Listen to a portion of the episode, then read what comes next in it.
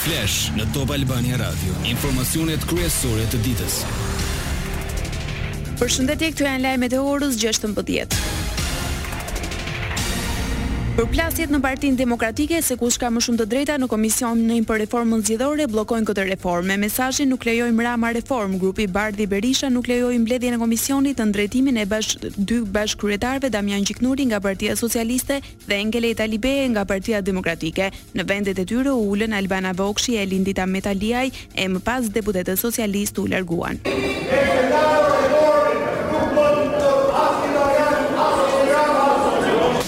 Ata kanë zënë karrigen. T'i mbajnë karrigen.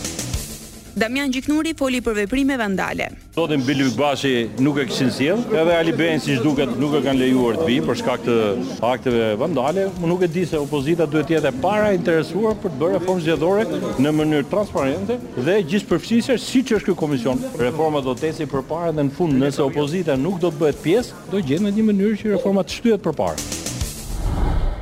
Gazmend Bardhi hodhi akuza se nuk i lejojnë të marrin pjesë në Komisionin e Reformës Zgjedhore. Sipas tij, kjo reformë po mbahet peng nga Edi Rama. Qëllimi i sotëm ishte thjesht t'i hidhnin hi syve qytetarëve shqiptarë se dëshirojnë reformë zgjedhore.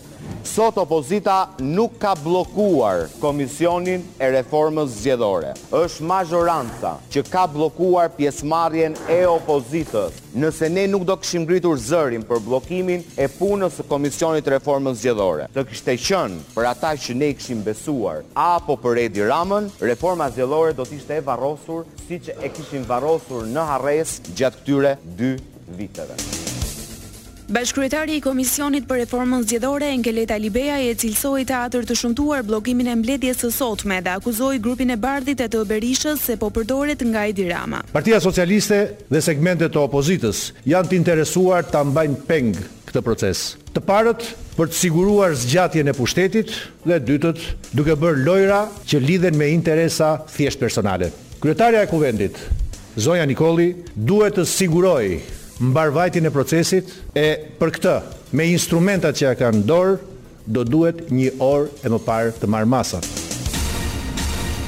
Ministrja e Shtetit për Marrëdhëniet me Parlamentin, Elisa Spiropali tha se nëse Komisioni i Reformës Zgjedhore është instrument për t'u përballur me këtë qeveri dhe këtë kryeministër, atëherë kush e mendon pa teklif kështu ka dy rrugë, ose të përgatitet që tani për dështimin e afërt në këtë përballje e bashkë me dështimin të përballet edhe me mbylljen e epokës së komisioneve bipartizane për reforma zgjedhore ose të ndryshojë pa humbur kohë konceptimin e gabuar të një instance të tillë.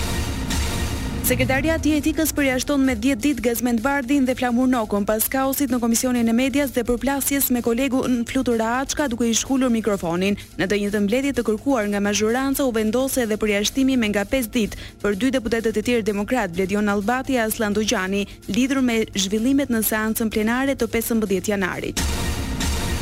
Prokuroria e Posaçme rrëzoi kërkesën e ish-kryeministrit Berisha për t'u paraqitur në seancat plenare të Kuvendit në cilësinë e deputetit, SPAK-u njofton se më pesëmbëdhjetë janar, personi nën hetim Sali Berisha depozitoi kërkesën, por pasi u njohun me përmbajtjen e saj, me vendimin e datës tetëmbëdhjetë janar, prokurorët vendosën mos ta pranonin. Lajmet në internet në adresën www.topalbaniaradio.com.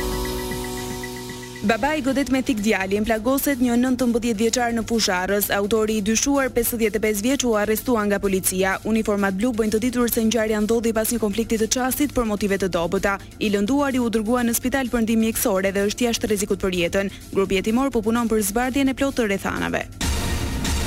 Parandalohet një ngjarje e rëndë kriminale, sekuestrohen dy mina me telekomandë në Tiranë, në pranga ra një njëzet vjeçar me banim në kryeqytet e në Shkodër, ndërsa u shpall në kërkim vëllai i tij njëzet e tre vjeç. Blutë finalizuan operacionin e koduar Brothers. U sekuestruan dy mina me telekomandë, me eksploziv C katër me peshë treqind gram të programuara për shpërthim në distancë, që do të përdoreshin nga dy vëllezërit.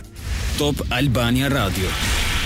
Në Ballkanin Perëndimor shqiptarët vijojnë të kryesojnë për numrin e lartë të kërkesave për azil në vendet e Bashkimit Evropian. Në raportin e publikuar sot nga Agjencia Evropiane për Azilin, konstatohet se vetëm nëntorin e kaluar shqiptarët paraqitën Rreth tetëqind e nëntëdhjetë e dy aplikime të ndjekur prej shtetasve nga Maqedonia e Veriut dhe Serbia.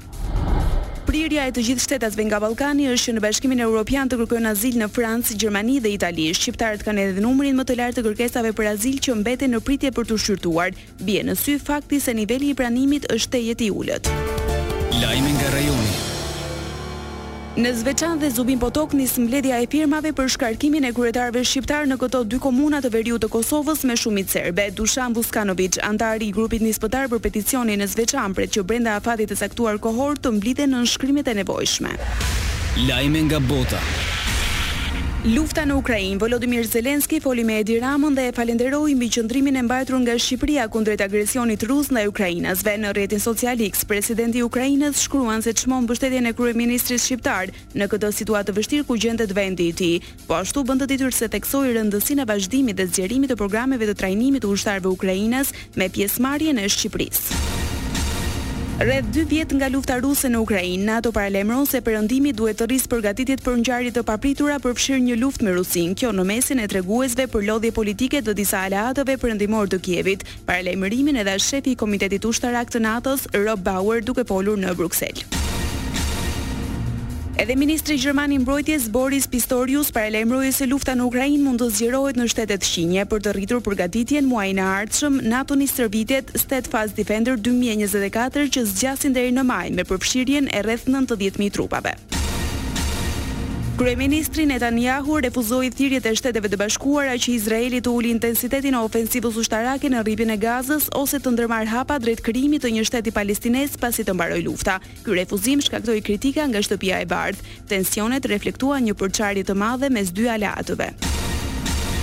Presidentit Joe Biden, Kongresi amerikan i dërgoi një projektligj afatshkurtër shpenzimesh në përpjekje për të shmangur mbylljen e pjesshme të qeverisë dhe financimin e agjencive federale deri në mars. Drafti u miratua me treqind e katërmbëdhjetë vota pro dhe njëqind e tetë kundër. Shumica e kundërshtimeve ishin nga republikanët më konservatorë, pasi nuk pajtohen me shpenzimet e tepërta.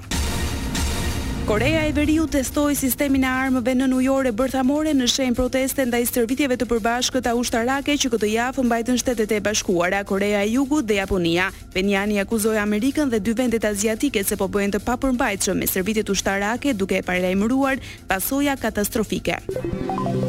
Parashikimi i motit. Edhe në vijim, vendi ynë do të ndikohet nga kushte të paqëndrueshme atmosferike si rezultat i masave ajrore të lagështa me origjinë jugperëndimore. Moti mbetet me vranësira e reshje shiu, temperaturat variojnë nga pesë në shtatëmbëdhjetë gradë celcius.